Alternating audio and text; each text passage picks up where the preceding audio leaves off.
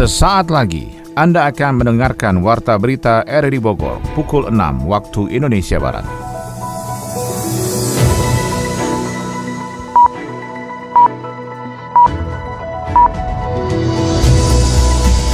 Selamat pagi dan salam jumpa.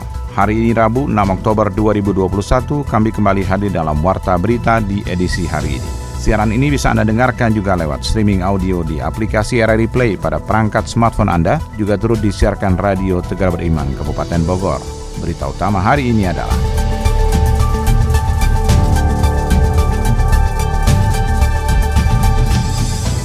Pemerintah meminta masyarakat waspada dan menerapkan protokol kesehatan yang ketat untuk menjaga tren positif penanganan pandemi COVID-19.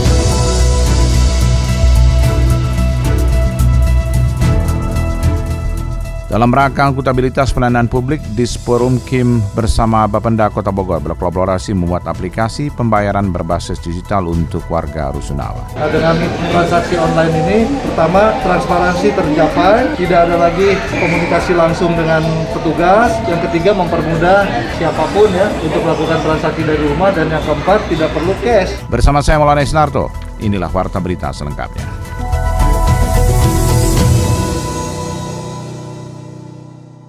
Pemerintah meminta masyarakat untuk waspada dan menerapkan prokes untuk menjaga tren positif penanganan COVID-19. Hal itu dilakukan dalam penanganan di tengah pembukaan aktivitas dan kegiatan sosial ekonomi yang diikuti peningkatan mobilitas. Menkominfo Joni Plate dalam pernyataan Senin kemarin mengatakan dalam upaya hidup sehat berdampingan dengan COVID, pemerintah terus menghimbau masyarakat agar tidak lengah. Dengan semakin tingginya mobilitas dan kegiatan masyarakat di ruang publik, maka disiplin, prokes, dan vaksinasi sebagai benteng proteksi tubuh harus segera dilengkapi. Untuk itu pemerintah menyatakan agar masyarakat segera vaksin tanpa memilah-milih jenis vaksin yang akan diberikan untuk memberikan dan mempercepat kekebalan komunal di Indonesia. Dalam rangka akuntabilitas pelayanan publik, Disprum Kim bersama Bapenda Kota Bogor berkolaborasi membuat aplikasi pembayaran berbasis digital untuk warga Rusunawa. Adi Fajar Nugraha melaporkan. Pemerintah Kota Bogor melakukan terobosan inovasi dengan membuat sistem pembayaran digital pada rumah susun sederhana sewa atau Rusunawa Menteng Asri, Kelurahan Menteng, Kecamatan Bogor Barat. Aplikasi tersebut dinamakan Sistem Informasi Pembayaran Cara Anyar atau SIPACAR yang dibuat untuk mempermudah warga Rusunawa. Wakil Wali Kota Bogor, Dedi Arahi mengatakan, inovasi ini hadir selain untuk memudahkan warga, juga dalam rangka mengurangi transaksi fisik keuangan, serta untuk mendukung program pemerintah melalui e-retribusi. Dengan transaksi berbasis digital ini pun, akuntabilitas dapat tercapai karena mengurangi adanya transaksi langsung dengan petugas. Ini salah satu terobosan ya, inovasi baru dari Perum Kim dan Bapenda dalam rangka mengurangi transaksi yang sifatnya fisik. Jadi kalau dengan kris ini dan dengan si pacar ini kan tidak perlu kita ketemu sama petugas. Nah dengan transaksi online ini pertama transparansi tercapai, tidak ada lagi komunikasi langsung dengan petugas. Yang ketiga mempermudah siapa pun ya untuk melakukan transaksi dari rumah dan yang keempat tidak perlu cash, cukup diisi tokennya saldonya. Kita memberikan apresiasi kepada Bapenda dan teman-teman perungkin. Sementara itu Kepala Dinas Perumahan dan Permukiman Juniarti Estiningsi menjelaskan program ini sebenarnya sudah diinisiasi sejak lama. Untuk operasionalnya sendiri nantinya akan dibantu juga oleh operator yang berada di rusun. Ini sudah diinisiasi awal pada waktu saya mengikuti Open BD dan alhamdulillah kebetulan pada waktu dikonfirmasi ke sini Bapak Ilham sudah memiliki rencana terkait dengan sistem aplikasi ini sehingga untuk dipercepat terkait dengan aplikasi ini. Hadirnya aplikasi ini menjawab tantangan transparansi informasi pelayanan publik di dalam pemanfaatan teknologi digital serta mewujudkan Kota Bogor menjadi smart city. Untuk diketahui, Rusunawa Menteng Asri sendiri saat ini diisi oleh 300 kepala keluarga, sementara di Rusunawa Cibulu ada sekitar 150 kepala keluarga dan dari total itu 80% di antaranya merupakan warga dari Kota Bogor. HUT TNI ke-76 Korem 061 Surya Kencana diperingati diperingati bersama semua unsur untuk bersatu terus melawan COVID-19. Sony Agung Saputra melaporkan. Momentum peringatan HUT TNI ke-76 menjadi salah satu pelecut semangat seluruh personil aparat keamanan TNI Polri dan pemerintah untuk terus melakukan perlawanan terhadap COVID-19. Dalam peringatan HUT TNI ke-76 itu jajaran Korem 061 Surya Kencana Bogor bersama TNI Angkatan Laut dan Udara beserta pemerintah daerah, kota dan kabupaten Bogor mengikuti upacara secara virtual dengan Inspektur Upacara Presiden Joko Widodo. Ketua DPRD Kota Bogor Atang Trisnanto menjelaskan TNI sebagai alat pertahanan negara harus kuat dalam menghadapi berbagai ancaman yang akan merongrong bangsa dan negara Indonesia baik dari dalam atau luar negeri. Saat ini Indonesia menghadapi perang melawan pandemi COVID-19 sehingga semua unsur prajurit TNI harus bahu-membahu dengan semua elemen bangsa dan negara untuk terus menghadapi COVID-19. Pertama, kami sampaikan Dirgahayu TNI yang ke-76. Semoga terus diberikan kekuatan dan kesehatan dalam menjaga dan melindungi serta menyatukan seluruh kekuatan bangsa dan keutuhan negara Kesatuan Republik Indonesia. Kita berharap bahwa dengan Dirgahayu yang ke-76 Tentara Nasional Indonesia ini maka bisa menjadikan spirit bagi kita semua dan TNI tetap menjadi pengayom masyarakat, menjadi penggerak masyarakat untuk senantiasa menjaga Indonesia dari berbagai hal termasuk hari ini dari pandemi COVID-19. Komandan Korem Surya Kencana Bogor Brigadir Jenderal TNI Ahmad Fauji menjelaskan sinergitas dengan semua elemen untuk menghadapi bersama pandemi COVID-19 harus nyata. Optimalisasi prokes dan vaksin menjadi salah satu cara untuk menghadapi musuh pandemi COVID-19. Tapi inilah bentuk sinergitas kita, bentuk kebersamaan kita bahwa kita saling memiliki, bahwa NKRI itu satu dan kita semua harus berpikir juga negara dan bangsa yang kita kita kita cintai dan kita banggakan. Dan hari ini kita juga berdiri darat, laut, udara, polisi termasuk perwakilan dari pemerintah Kota Bogor, wakil wali kota dalam rangka ini tadi memperingati hari ulang tahun TNI yang ke-76. Saat ini personel TNI Polri bersama Pemda di wilayah Korem 061 Surya Kencana terus melakukan serbuan vaksin ke seluruh penjuru lapisan masyarakat sehingga kekebalan komunal dari COVID-19 dapat tercipta. Siska! Eh, Dewi, lagi belanja juga? Iya nih, kan lagi pandemi kayak sekarang kan kita harus lebih ekstra jaga imun. Makanya belanja buah sama sayur buat keperluan di rumah. eh, ngomong-ngomong, kamu nggak pakai masker? Kan kemarin aku udah disuntik vaksin covid jadi aman lah. Gak usah pakai masker juga kan. Soalnya kalau pakai masker aku nggak kelihatan cantik. Oh hati-hati. Walau udah vaksin tetap aja harus jaga protokol kesehatan. Nggak boleh loh diabein. Contohnya nih rekan kantor aku aja Udah divaksin masih tetap terkena virus covid. Wah serem juga ya. Mm -mm. Kalau gitu aku beli masker dulu ya. Tetap harus pakai masker ya. Mencuci tangan dan menjaga jarak aman Vaksin bukan obat untuk menyembuhkan COVID-19. Untuk itu, tetap patuhi protokol kesehatan, memakai masker, menjaga jarak, mencuci tangan, menjauhi kerumunan, dan mengurangi mobilitas. Perumda Pasar Pakuan Jaya menggelar Bogor Aquatic Center di Blok F Pasar Kebun Kembang. Laporannya disampaikan Sony Agung Saputra. Pemulihan ekonomi saat pandemi COVID-19 yang melanda semua lapisan masyarakat saat ini sedang bergulir dari Perumda Pasar Pakuan Jaya dengan menggelar Bogor Aquatic Center. Dalam area di lantai 3 Blok F Pasar Kebun Kembang itu Perumda Pasar Pakuan Jaya memberikan tempat bagi penjual ikan hias untuk menggelar barang dagangannya. Dirut Perumda Pasar Pakuan Jaya Zakir menjelaskan saat ini pihaknya berupaya menghimpun semua pedagang ikan hias di Bogor untuk berjualan di Blok F Pasar Kebon Kembang. Area tersebut cukup strategis dengan adanya akses langsung ke 53 kios yang tersedia sehingga pembeli bisa bertransaksi dengan aman dan nyaman. Kita nyiapkan sementara ada 53 kios yang ini sebenarnya sudah sudah terisi semua dari pedagang baik yang di Kota Bogor maupun seputaran Kota Bogor yang tadinya masih mencar-mencar harapan kami kita bikin satu sentral terpusat ada di Blok F. Jadi akses masyarakat juga gampang karena parkir motor atau parkir mobil di bawah tinggal naik ke atas satu lantai. Kalau parkir motor kan bisa langsung akses ke pembeli. Jadi ini harapan kami dengan kita pusatkan di sini jadi daya tarik masyarakat Bogor dan sekitarnya yang punya hobi ikan hias bisa mencari di sini dan harga juga relatif sangat murah. Jadi kita tadi mau monitor harga-harga ikan cupang dan lain juga jauh dibandingkan tempat-tempat lain. Jadi harapannya kami mengajak masyarakat untuk berbelanja belanja ikan hias dan menghidupkan pasar Blok F di lantai 3 ini. Sementara itu asisten perekonomian Pemkot Bogor Dodi Ahdiat menjelaskan dalam pemulihan ekonomi harus ada terobosan inovasi dan kreasi dalam menjalankan usaha. Hobi koleksi ikan hias saat ini sedang menjadi tren sehingga adanya Bogor Aquatic Center bisa menjadi solusi dalam mewadahi pecinta ikan. Pihaknya berharap adanya efek domino saat adanya Bogor Aquatic Center dapat menggerakkan roda perekonomian di Bogor. Tagline-nya bahwa ini terbesar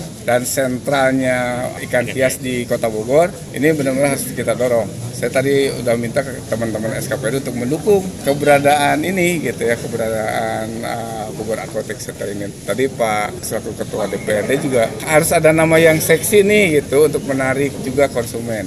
Jadi kerja keras dari uh, perunda pasar, kerja keras dari pedagang, untuk menarik konsumen warga Kota Bogor yang punya hobi ikan hias ke sini nih. Karena ini efeknya akan sangat banyak, multiplier efeknya. Selain untuk juga menghidupkan pasar di Blok F ini, F ini juga untuk meningkatkan kesejahteraan warga Kota Bogor. Itu.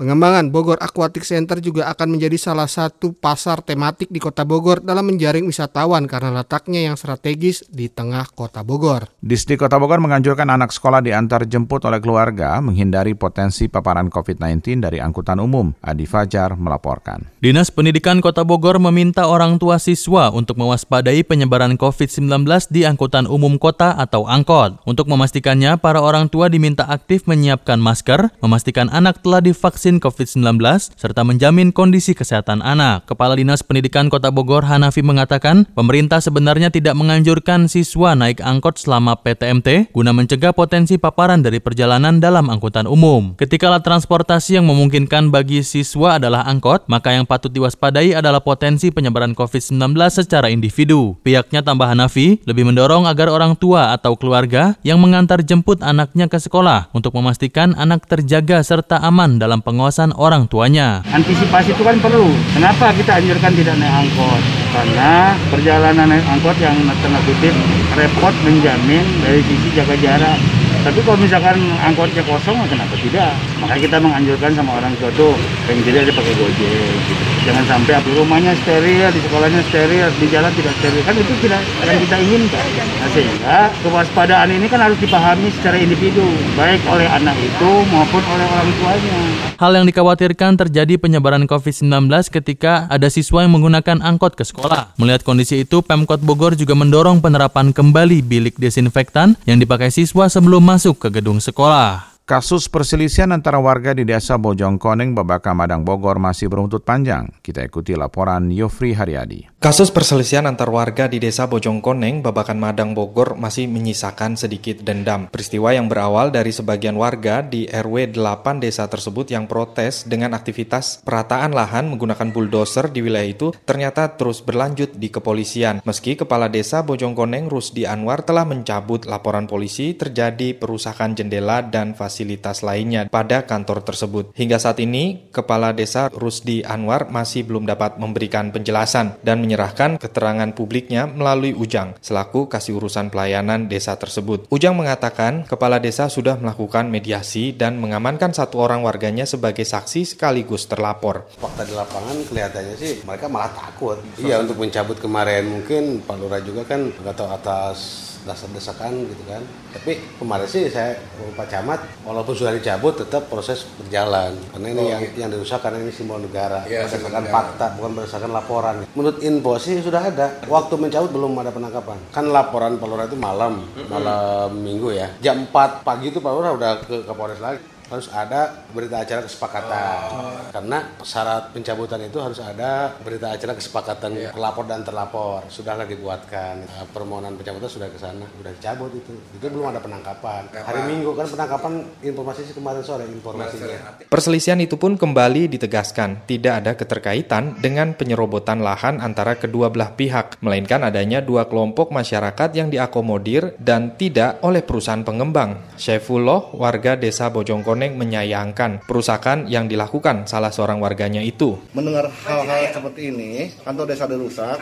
ya kami intinya nggak terima karena ini istilahnya barang mati tapi aset negara. Sedangkan hari satu ini otomatis di sini apa desa pun libur tidak bisa diminta keterangannya. Yang pasti lagi saya tidak terimanya ini masyarakat yang bikin KTP atau KK atau segala macam jadi tidak ada pelayanan dengan adanya kantor desa dirusak seperti ini. Menurut kami saya berbicara kantor desa bukan masalah pertanahan itu saya nggak tahu tahu. Itu menurut saya beda lagi. Kalau memang kasus pertanahan, kan ada unsur, ada yang punya, ada pemberi, itu silakan tuntut. Mau ke mana silakan. Jangan ke kantor desa. Boleh menanyakan kantor desa karena sebagai wadah, akan tetapi tidak ada perusahaan seperti ini. Uang itu mungkin uang negara, bukan, bukan uang pribadi untuk membangun desa ini. Sementara itu warga lainnya Surya menilai dalam pembuldoseran lahan seluas sekitar 4 hektar di RW 8 Kampung Gunung Batu, Desa Bojongkoneng itu tidak ada penggusuran. Sebelumnya lahan itu ditanami singkong dan pisang oleh penggarap bahkan sudah diberi uang pengganti tanaman. Persoalan yang seharusnya muncul adalah persoalan lingkungan hidup. Pasalnya lereng yang semula rimbun menjadi gundul. Awalnya kalau air hujan curah hujan tinggi, biasanya sebelum digundulin tahan tanah air itu ke bawah. Jadi secara langsung itu udah hukum alam kan. Tapi setelah digundulin air itu jadi bukan ke bawah, lari ke sana. Ada warga di bawah. Nah itu yang dibilangnya apa sih namanya? Kalau yang alam. Bencana. LH lingkungan hidup kan gitu.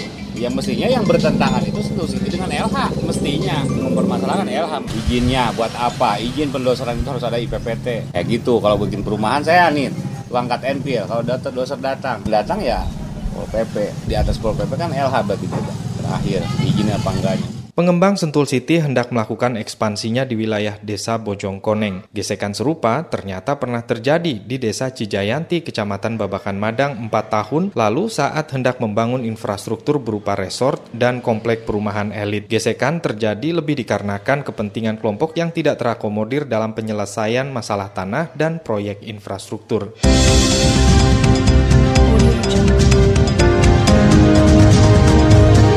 Anda tengah mendengarkan Warta Berita RRI Bogor.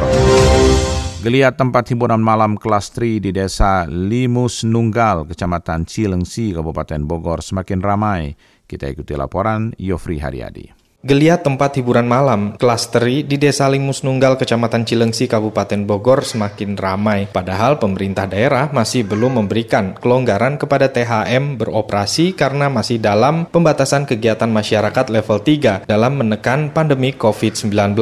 Dalam kegiatan peninjauan vaksinasi COVID-19 massal di Kecamatan Cilengsi, Bupati Bogor Ade Yasin menegaskan untuk menertibkan bangunan semi permanen yang dijadikan tempat hiburan malam tersebut boleh buka tempat hiburan belum boleh karena ini kan masih kenyataannya nanti saya perintahkan satpol pp untuk merajak itu juga info-infonya dari polsek tidak berselang lama instruksi Bupati Ade Yasin itu pun ditindaklanjuti dengan penutupan dan pembongkaran bangunan liar yang menjadi penopang bisnis tempat hiburan malam di kawasan tersebut oleh Pol PP. Camat Cilengsi Adi Nugraha juga mengganti nama Gang Limus Nunggal menjadi Gang Ar-Rahman dengan dibangunnya masjid dan majelis taklim untuk menghilangkan citra negatif di lokasi tersebut. Upayanya kan kita nanti butuh proses ya. Seperti sekarang kita kan coba pendekatan melalui penggantian nama. Gang itu kan kita sudah ganti menjadi Gang Ar-Rahman dan sebagainya. Mudah-mudahan dengan adanya penggantian nama ini kan membawa keberkahan buat tempat tersebut. Mudah-mudahan juga ada kegiatan-kegiatan yang lain yang bisa merubah image, image tempat tersebut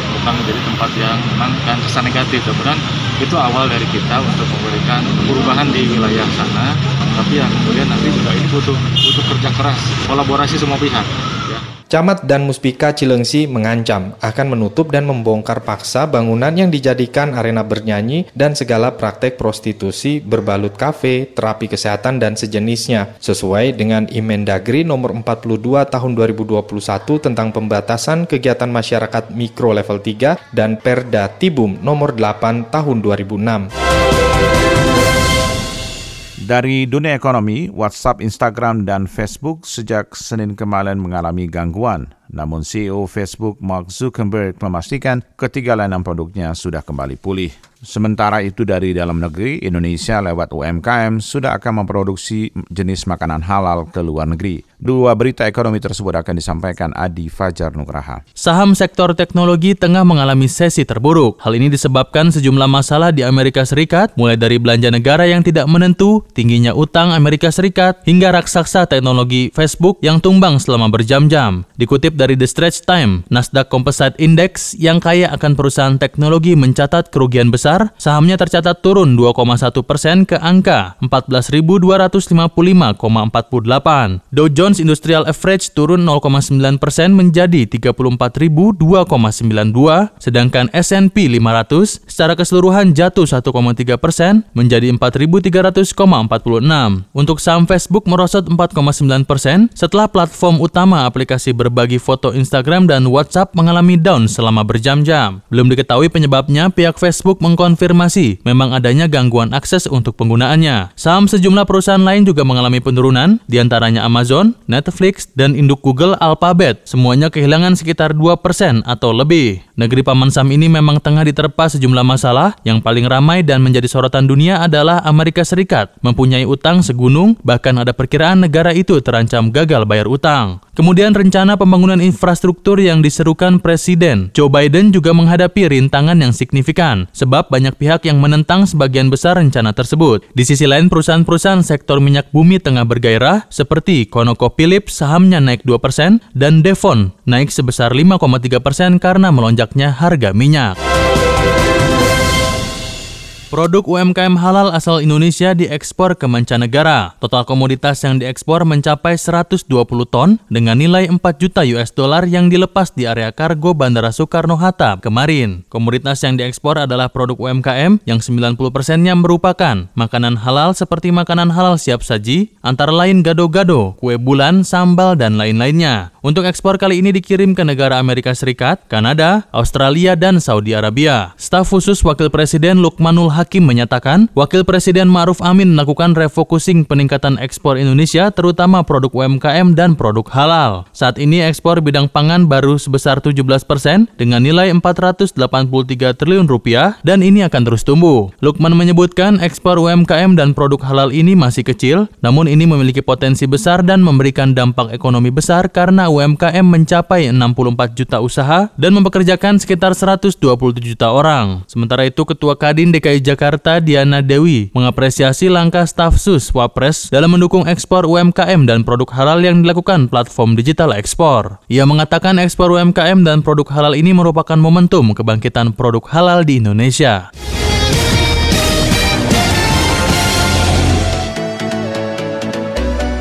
Dari olahraga, tim bulu tangkis Indonesia tengah menjalani pemulihan kondisi psikologis menyusul kegagalan dalam ajang Piala Sudirman yang digelar di Energia Arena Fanta Finlandia. Sementara itu, klasmen sementara daftar pada medali Pekan Olahraga Nasional 20 Papua 2021 Jawa Barat akhirnya berada di posisi kedua klasemen peroleh medali setelah sebelumnya ditempati tuan rumah Papua. Dua informasi tersebut merupakan bagian dari informasi olahraga selengkapnya yang akan disampaikan Ermelinda.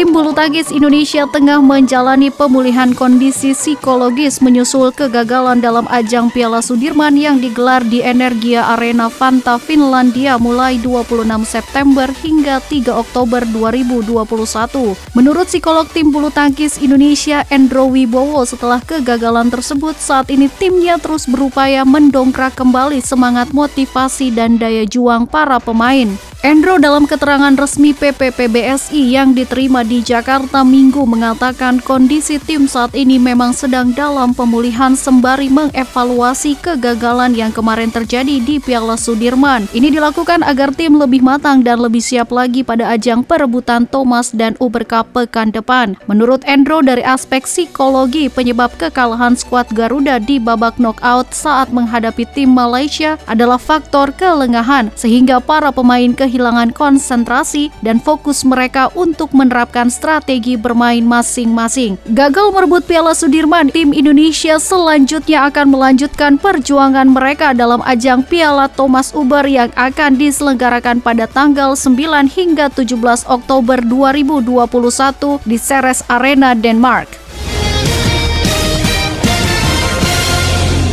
Klasmen sementara daftar perolehan medali Pekan Olahraga Nasional PON 20 Papua 2021 hingga Selasa 5 Oktober 2021 pada pukul 12.00 waktu Indonesia bagian Barat. Posisi klasmen sementara terus berubah seiring bertambahnya jumlah medali yang sudah diraih dari pertandingan cabang olahraga PON ke-20 Papua 2021.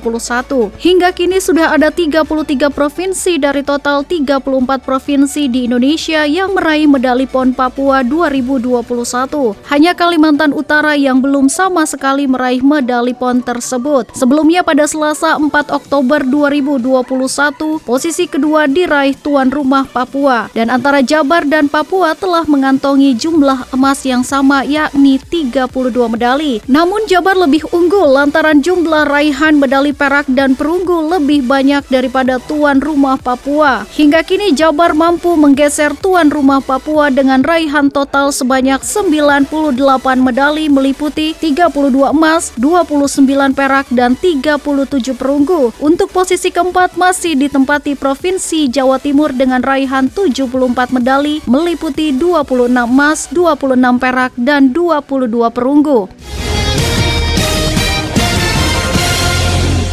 Ketua KONI Kabupaten Bogor merasa bangga dengan banyaknya atlet asal Kabupaten Bogor yang meraih medali emas untuk kontingen Jawa Barat pada Pekan Olahraga Nasional PON 20 Papua 2021.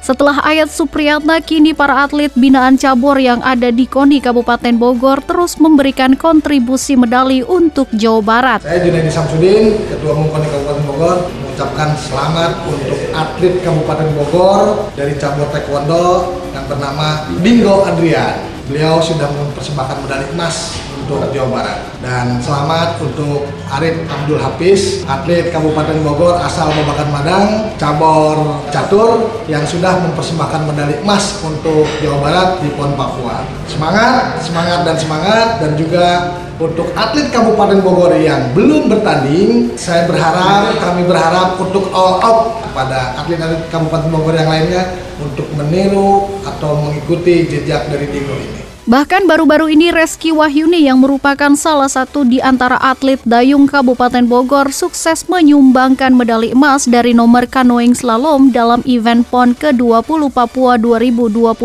ini. Jonsam berharap mudah-mudahan capaian prestasi ini bisa memotivasi semua atlet yang ada di kontingen Jabar untuk bisa tampil maksimal dalam mempertahankan predikat juara umum pada PON 2021.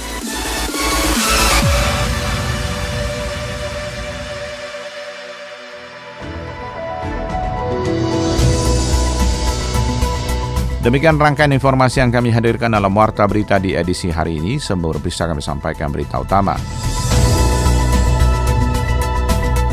Pemerintah meminta masyarakat waspada dan menerapkan protokol kesehatan yang ketat untuk menjaga tren positif penanganan pandemi COVID-19.